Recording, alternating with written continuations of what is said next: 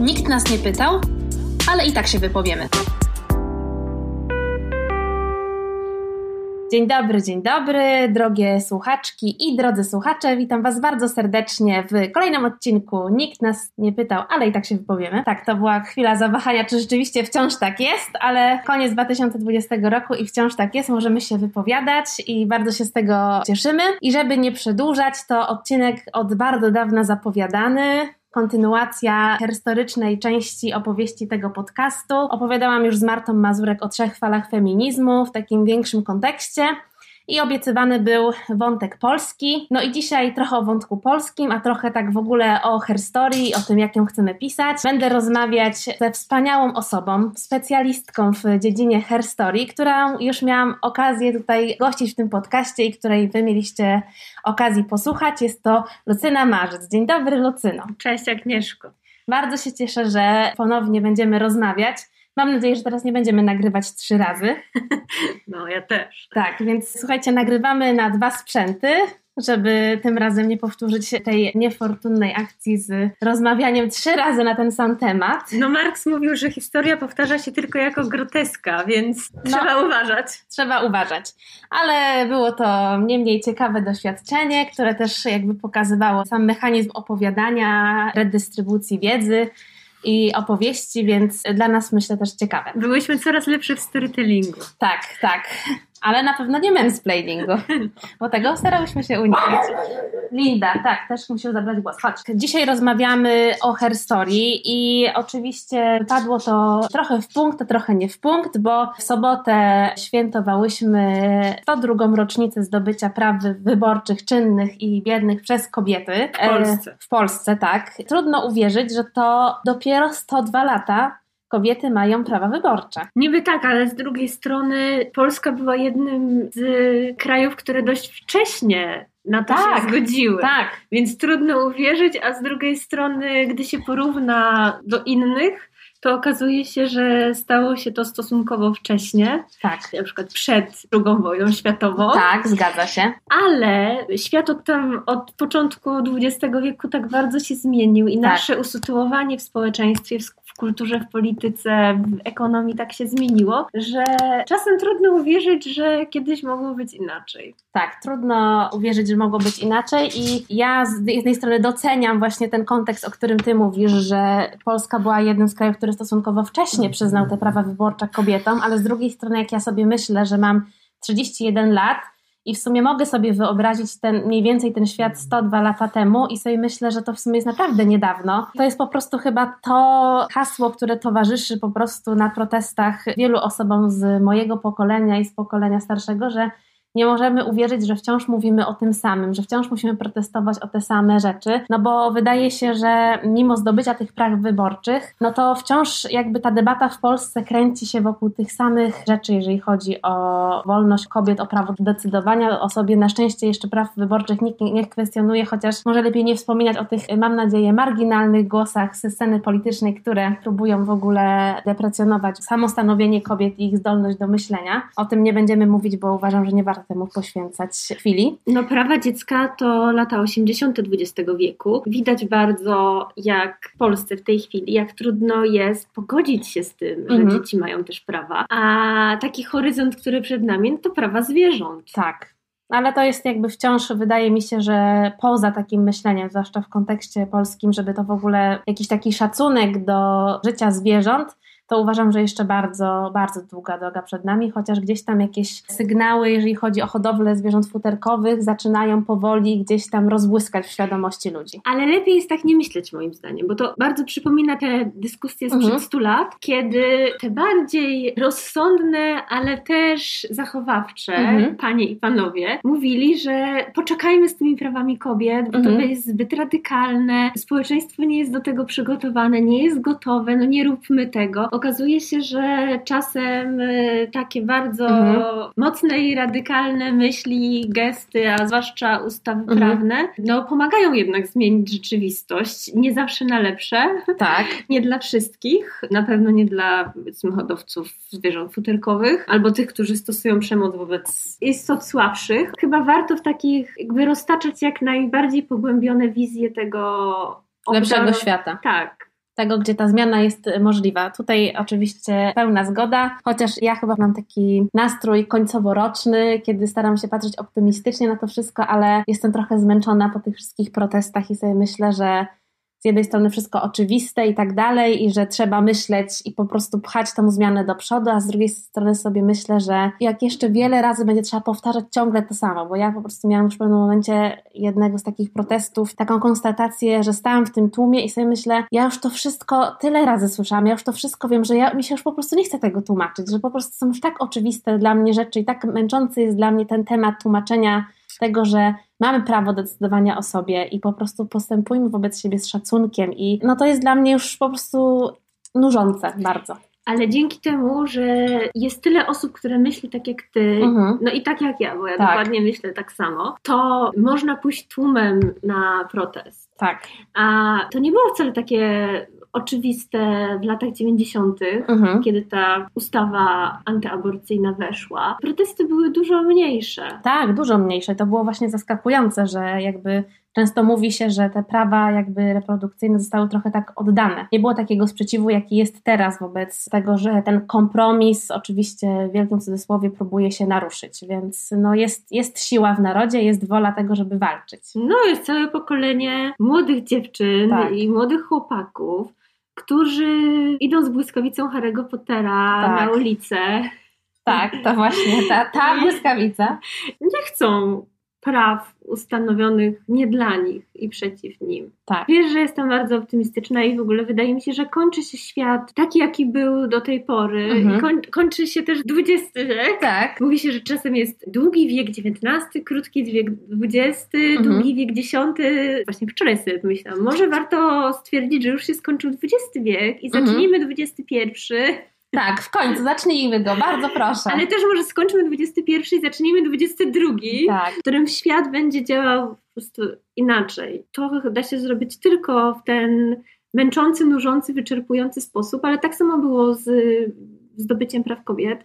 To nie jest tak, że politycy w gabinecie, Piłsudski głównie znający się na wojsku tak. i Roman Dmowski, no konserwa, stwierdzili, że no dobrze, jak tutaj ustanowić nowe państwo, jakie zrobić prawa? A, dajmy prawa kobietom. No to nie było też oczywiste. Właśnie sufrażystki musiały sobie też protestami wychodzić. Oczywiście. Z parasolami, uderzać w bruk tak, żeby się cały Kraków trząsł i naciskać. Jakby jedyne, co można zrobić, to naciskać i, i musimy naciskać, na, wydaje mi się, na różne sposoby. Każdy tak, jak potrafi i może.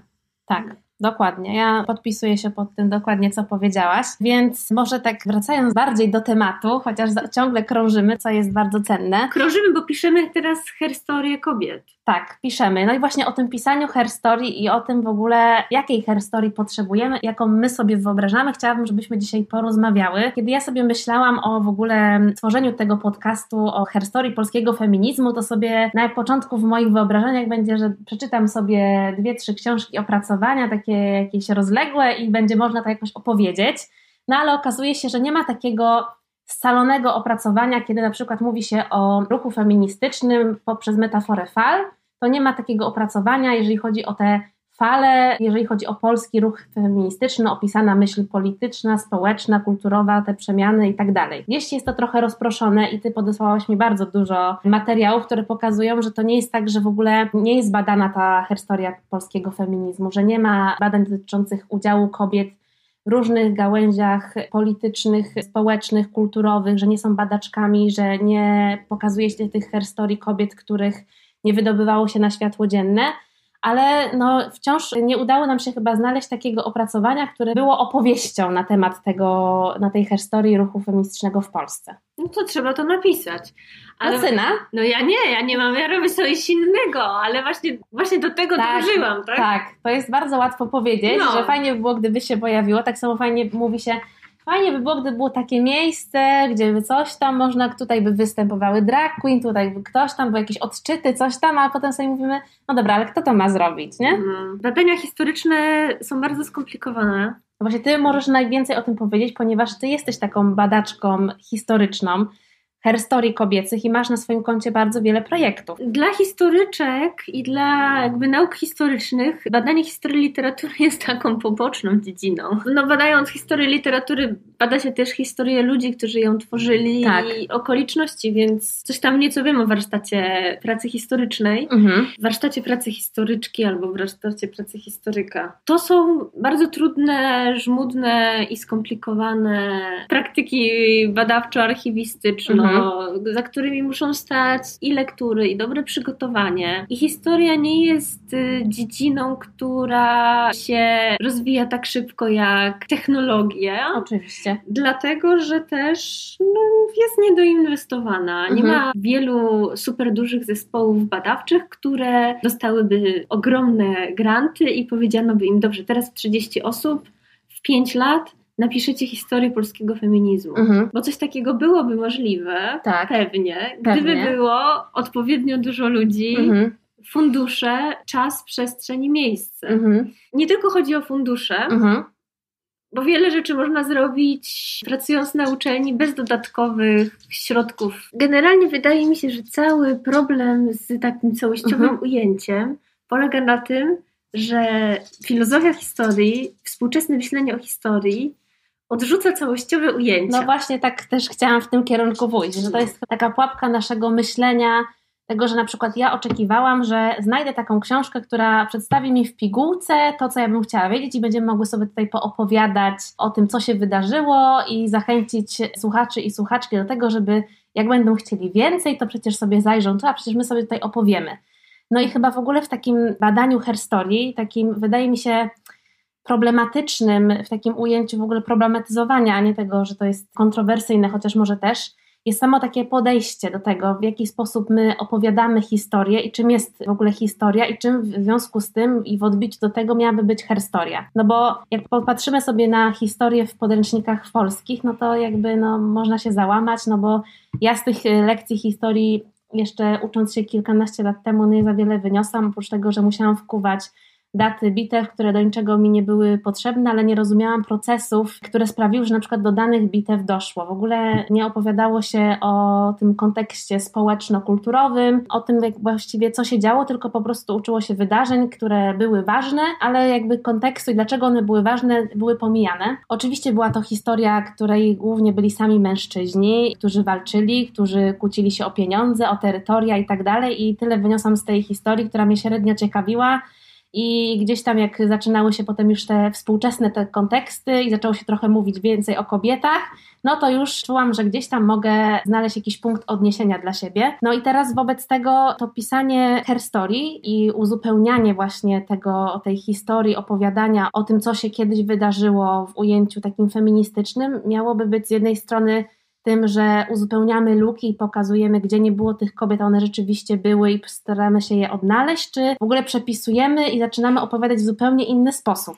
Albo pokazujemy, że właśnie ich nie było, bo herstoria kobiet jest głównie herstorią milczenia, milczenia źródeł, milczenia archiwów i milczenia samych kobiet i właśnie mhm. nieobecności kobiet w historii. Więc też nie ma co wierzyć, że przeszłość jest całkowicie sfałszowana mhm. i że mhm. podręczniki kłamią mhm. i że tak naprawdę może można by napisać zupełnie inną historię Polski, gdzie e, tak. z punktu widzenia kobiet będących na tych samych mhm. dworach, mieszkających z tymi samymi władcami i to by wyglądało inaczej. To byłoby eksperymentalnie na pewno ciekawe i można napisać powieści tego typu. Nie ma historii bez kobiet i nie ma historii bez mężczyzn. Oczywiście. Wtedy, kiedy mężczyzna był władcą, no to nie można opisać o nim tak, jakby go nie było. Mhm, oczywiście. Więc z jednej strony możemy się i zawsze będziemy zauważać redukcjonizm wszystkich podręcznikowych, poradnikowych, mhm. jakichkolwiek ujęć. Tak, tak samo jest z trzema falami feminizmu. Oczywiście, że tak. Czy z innymi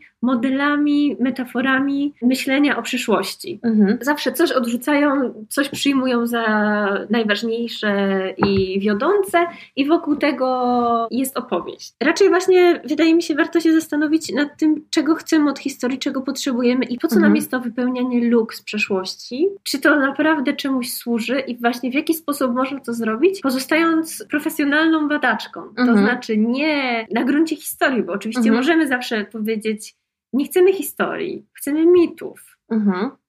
Nie interesuje tak naprawdę nas, skomplikowana, złożona przeszłość, do której nie dosięgniemy, tylko my chcemy opowieści, które będą tak działać jak no jak mity, czyli pozwolą włączyć się w jakieś kontinuum. Mhm. Wierzyć nam, że działamy w obrębie jakiegoś dziedzictwa, czy tego, że ktoś po prostu zapoczątkował jakiś taki mit założycielski, bo, który my trochę realizujemy. Ty podesłałaś mi świetny artykuł Agnieszki Graf właśnie o tym takim starciu pokoleniowym feministek w Polsce, który mnie strasznie zaciekawił i trochę się zdziwiłam, że jego e, nigdy tego nie czytałam. Bardzo się w nim odnalazłam, jeżeli chodzi o jakąś taką metaforę, której ona użyła do opisania w ogóle tego pokolenia feministek, które jakby brały czynny udział w walce z komunizmem w Polsce i które były tymi osobami, które rzeczywiście walczyły, identyfikują się z transformacją.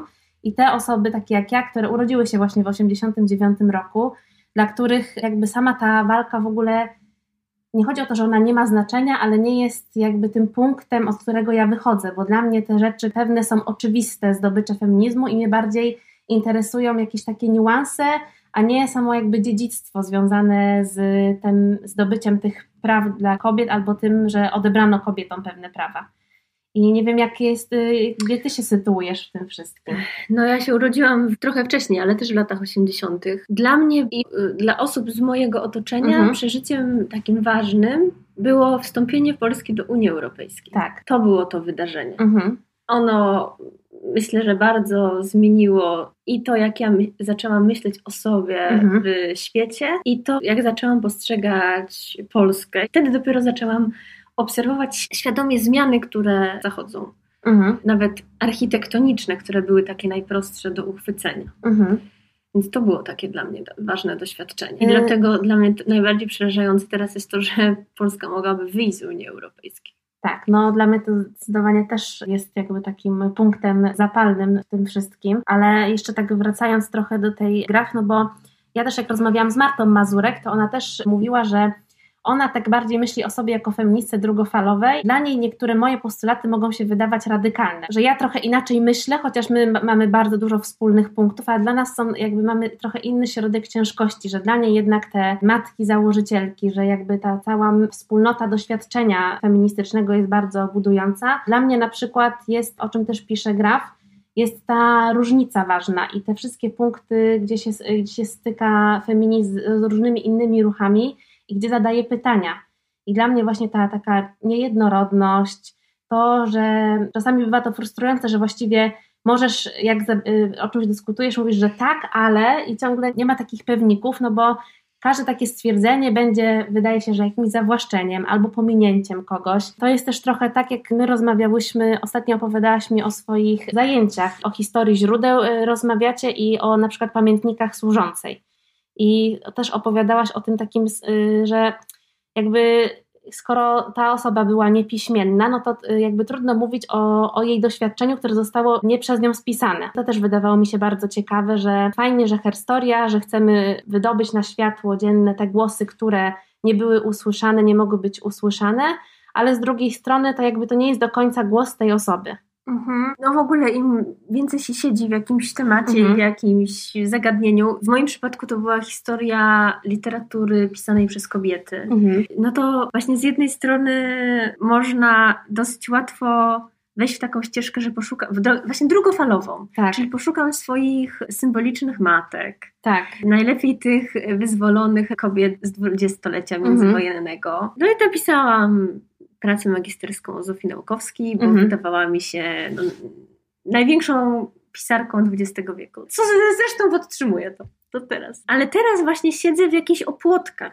mhm. na granicach literatury, która, sama literatura zaczęła mi się wydawać w pewnym momencie takim niezwykle elitarnym językiem, mhm. zwłaszcza w przeszłości, komunikacją bardzo wybranego i małego kręgu. Mhm. I teraz zajmują mnie takie sprawy jak piśmienność, w ogóle piśmienność mhm. wszystkich, ale właśnie nie tych najlepiej wykształconych o wielkiej kulturze literackiej, mhm. historycznej i wiedzy, tylko właśnie tych, którzy w wieku 40 lat zaczynają się uczyć pisać mhm. i stwierdzają, zacznę pisać dziennik. I kiedy tak się z, z, pozycji badaczki literatury, którą interesowały awangardowe, skomplikowane mhm. wiersze, nagle czyta się coś takiego, to wtedy kategoria płci mhm. nie ma już takiego wielkiego znaczenia, mhm. bo interesujące jest bardziej to, że nagle sobie uświadamiam, że jeszcze 100 lat temu nie tylko kobiety nie miały praw, ale 80% mieszkańców Warszawy było niepiśmiennych. To jest w ogóle zatrważające, jak sobie o tym pomyśleć teraz, nie? Jest i nie jest, to znaczy jest... Że dla mnie to jest po prostu oczywiste, ze względu na mm. mój przywilej osoby wykształconej i tego, że to jest oczywiste, że czytasz, piszesz i tak no. dalej, nie? Ale teraz też we współczesnym świecie jest bardzo dużo ludzi niepiśmiennych. To chyba było dla mnie w ostatnim czasie takie najbardziej otwierające, że kiedy uświadomiłam sobie, że jest bańka ludzi piśmiennych, mhm. są miliony ludzi niepiśmiennych. Nawet czytałam taki artykuł o Holandii. Mhm. Jak dużo jest ludzi niepiśmiennych w Holandii. System edukacji pozwala w wielu miejscach na świecie, także w Polsce, ukończyć szkołę do 16 roku życia. W niej się niewiele nauczyć, i dalej iść przez życie bez pisma. Nie wiem, czy to jest aż takie bardzo zatrważające, bo. Dla mnie jest, szczerze mówiąc, naprawdę. Ja sobie po prostu tego nie potrafię wyobrazić, że w świecie, w którym no, używasz jakby języka i tego, że no, musisz czytać i pisać, że jakby no, to jest dla mnie to jest w ogóle rzecz, że no, codziennie, nawet jak nie czytasz tej książki czy artykułów, no to czytasz mnóstwo innych rzeczy, konsumujesz dużo innych wiadomości, czy po prostu nawet pierdół, ale że po prostu to jest dla mnie oczywiste tak bardzo, więc dlatego jest to dla mnie zatrważające, bo ja w ogóle się nad tym nie zastanawiam. No, ale możesz oglądać, możesz słuchać.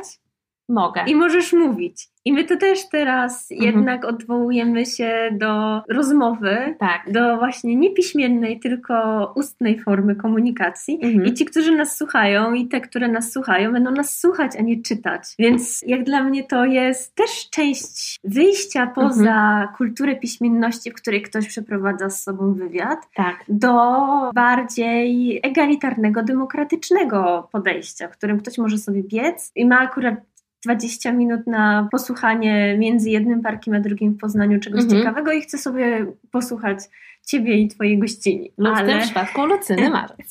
No. I dlatego tak mnie zafascynowały osoby niepiśmienne, mhm. które dokonują wejścia w piśmienność na różne dziwne sposoby. Znaczy mhm. może nie dziwne, one są dosyć, ostatecznie da się je jakoś na pewno stypologizować. Ale jest coś takiego jak, znaczy można stwierdzić, że niepiśmienność jest jakąś cechą mhm. wykształcenia, ale też można szukać tych funkcji piśmienności i niepiśmienności. I akurat w archiwum Iłakowiczów natknęłam się na listy, które pisała do niej niepiśmienna była służąca. Mhm. Pisała do niej zawsze za pomocą kogoś innego. Mhm.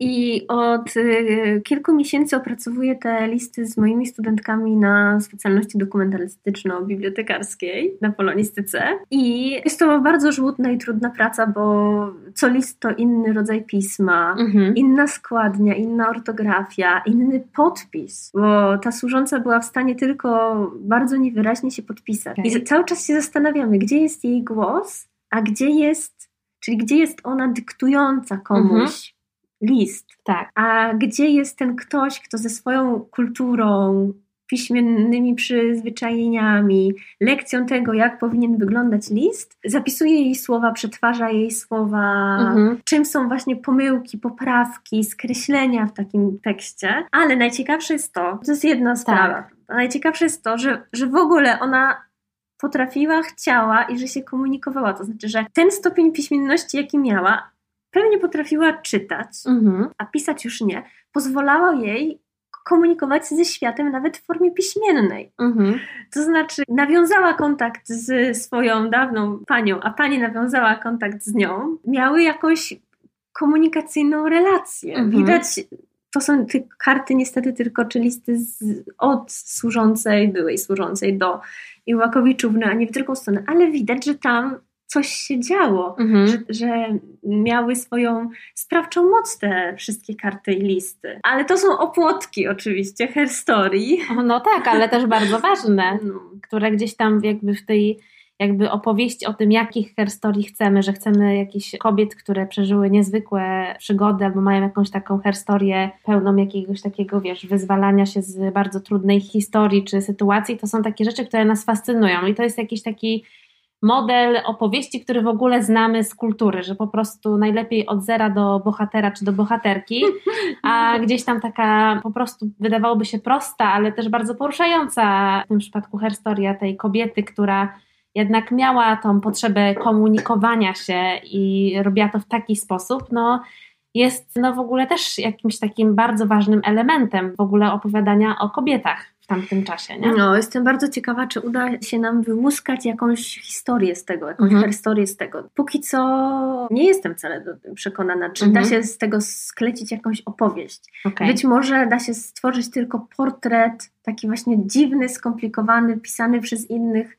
portret, mhm. a może tylko da się stworzyć portret tej sytuacji, bo jest to bardzo złożone. Ale ja nie wymyśliłam w ogóle tych służących. Oczywiście te służące są tematem, który interesuje inne badaczki historii mhm. kobiet i przeszłości i ma feministyczne ujęcie. Są dwie książki na ten temat. Alicji Urbanik-Kopeć i Joanny Kuciel-Frydryszak. Wydaje mi się, że teraz wracają, czy wchodzą w taki obieg szeroki, tematy dosyć wąskie i szczegółowe, gdy porównamy je z tymi monumentalnymi opracowaniami pisanymi na, na zachodzie. Tak. Ale z drugiej strony mi odpowiada ten model.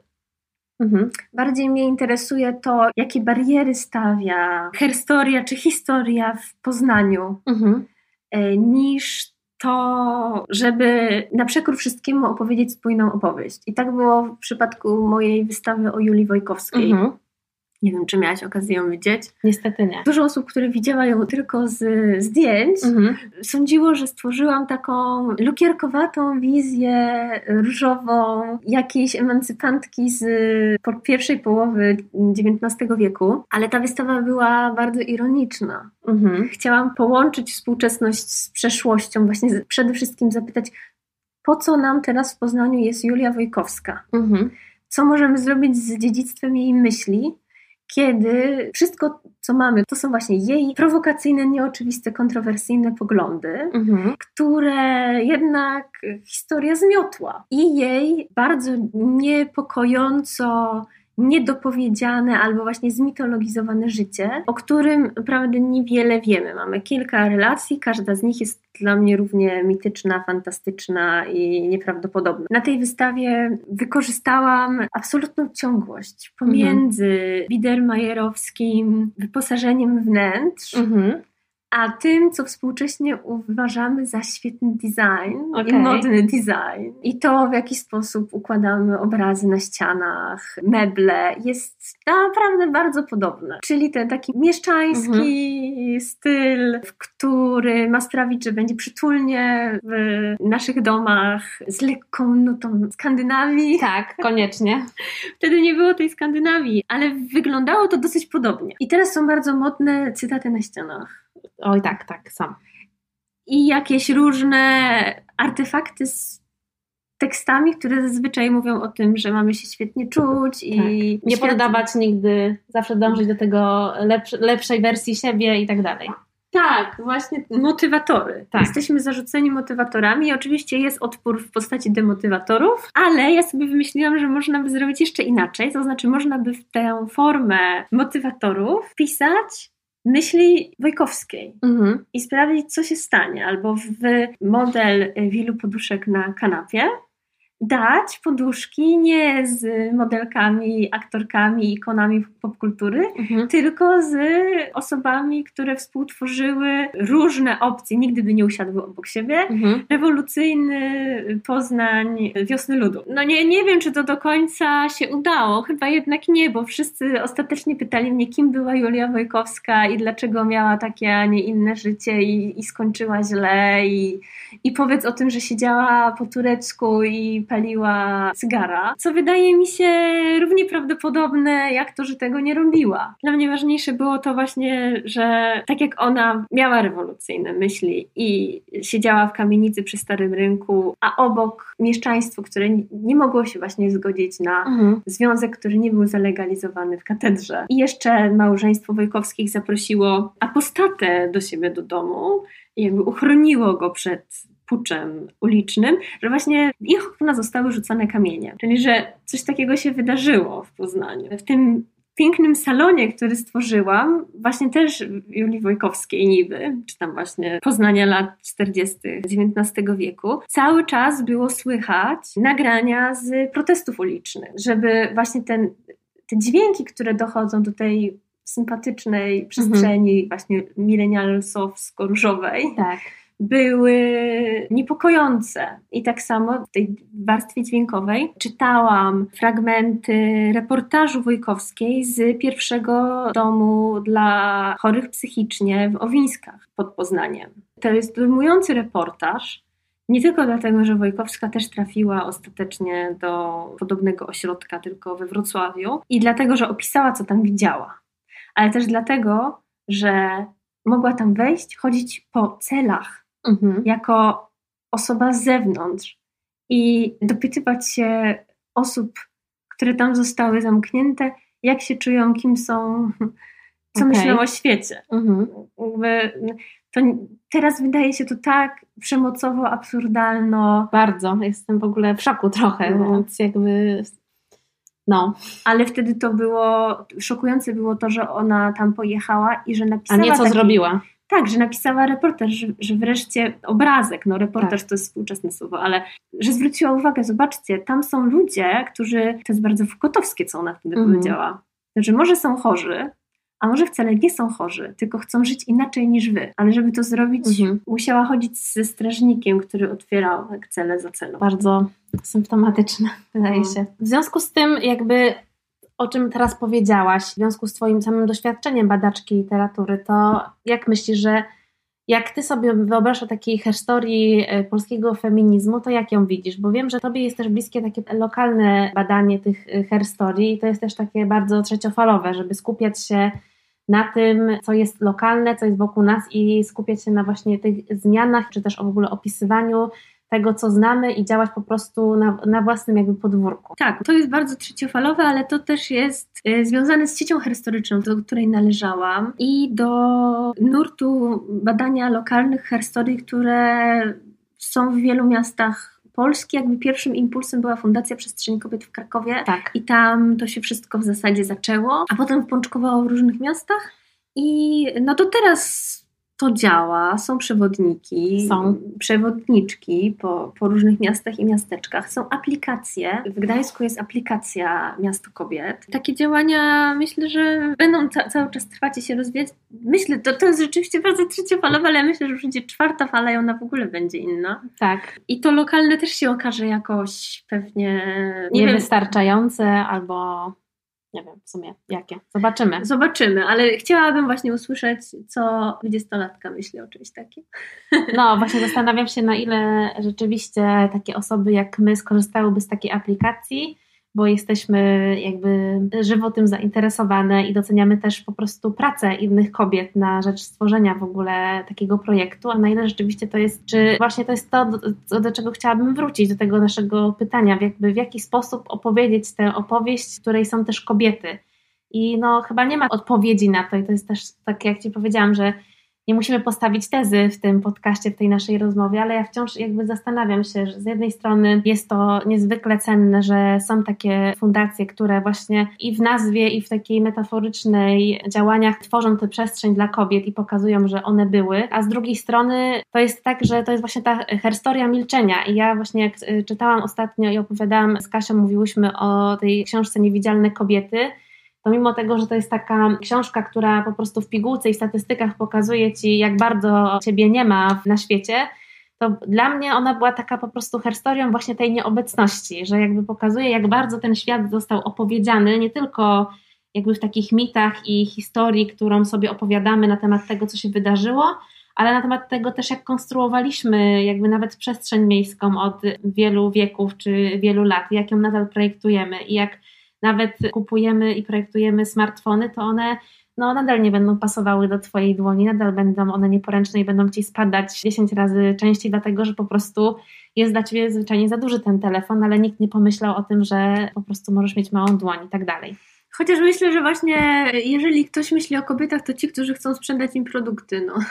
Tak, no oczywiście tutaj ta marketingowa strona tego wszystkiego oczywiście działa bardzo prężnie i jakby wiemy, że ten cały przemysł y, beauty, fashion i tak dalej, który jest dla kobiet, nie jest też w ogóle łaskawy dla kobiet i to jest jakby w ogóle inny temat, no ale jakby dla mnie to jest jakby takie bardzo ważne, co ty powiedziałaś właśnie o tej nieobecności, żeby właśnie pokazywać raczej te miejsca, których nas nie ma i może zaryzykuję taką tezę, że to jest może właśnie takie czwartofalowe bardziej, żeby pokazywać te miejsca nieobecności, im się przyglądać, z czego one wynikają i pokazywać, że, że właśnie ta nieobecność sprawia, że ta opowieść o świecie jest niekompletna, jest tylko jedną z wersji historii, którą mogliśmy sobie opowiedzieć. No, myślę, że masz rację i jakby konsekwencją takiego mocnego postawienia na tę nieobecność jest bunt i potrzeba zmiany. Czyli dobra, tak. w przeszłości była nieobecność, więc niech teraz i w przyszłości ta obecność będzie jeszcze silniejsza. I to być może jest czwartofalowe. Znaczy, być może właśnie takie poszukiwanie tych antenatek i pocieszenia w przyszłości mhm. był uspokajająco, kojąco, też obniżający nastroje buntu. Mhm. A takie podejście, w którym, w którym dominuje nie było, ale ma być, mhm. jest może bardziej rewolucyjne. No tylko niebezpieczeństwo jest takie, że właśnie można zbyt prosto jednym gestem tak. usunąć to, co jednak istniało. Tak.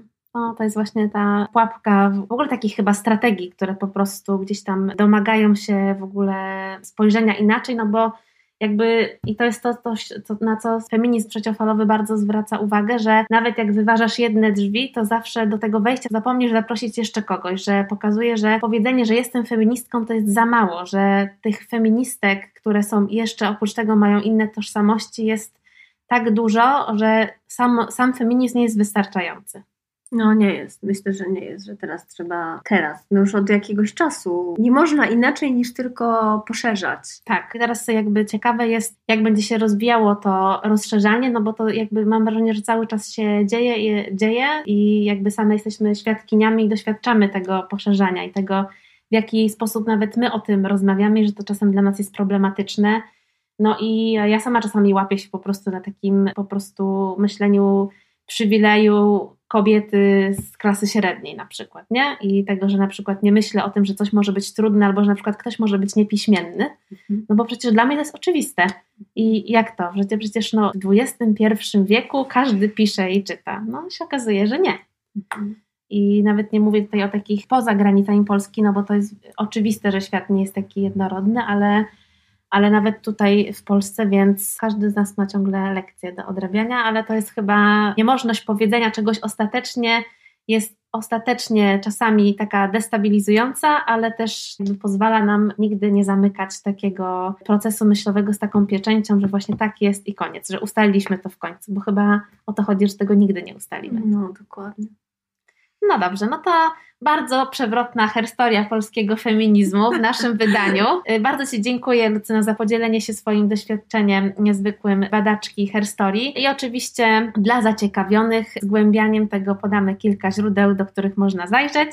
Więc jak ktoś będzie miał ochotę, to zapraszamy i no, dziękuję Ci bardzo. Tak, i niech czwarta fala napisze taką dziesięciotomową historię polskiego feminizmu, że nie ma to być scalające, tylko właśnie niech będzie rozproszone, ale piszcie. Tak, to chyba musi być też w takiej formie która jakby nawet to, jak przeczytasz jeden rozdział jednego dnia, na drugiego ten rozdział może się zmieniać, to po prostu musi być ciągle płynne, że to nie może być takie wydrukowane pismo, tylko to musi być jakiś taki po prostu, wiesz, cyfrowy, wirtualny twór, który po prostu jednego dnia jest taką opowieścią, a drugiego już trochę inną. No właśnie w Warszawie działa to Archiwum Kobiet i to kiedy już otworzy się dla publiczności, to myślę, że będzie taki zmieniający się twór.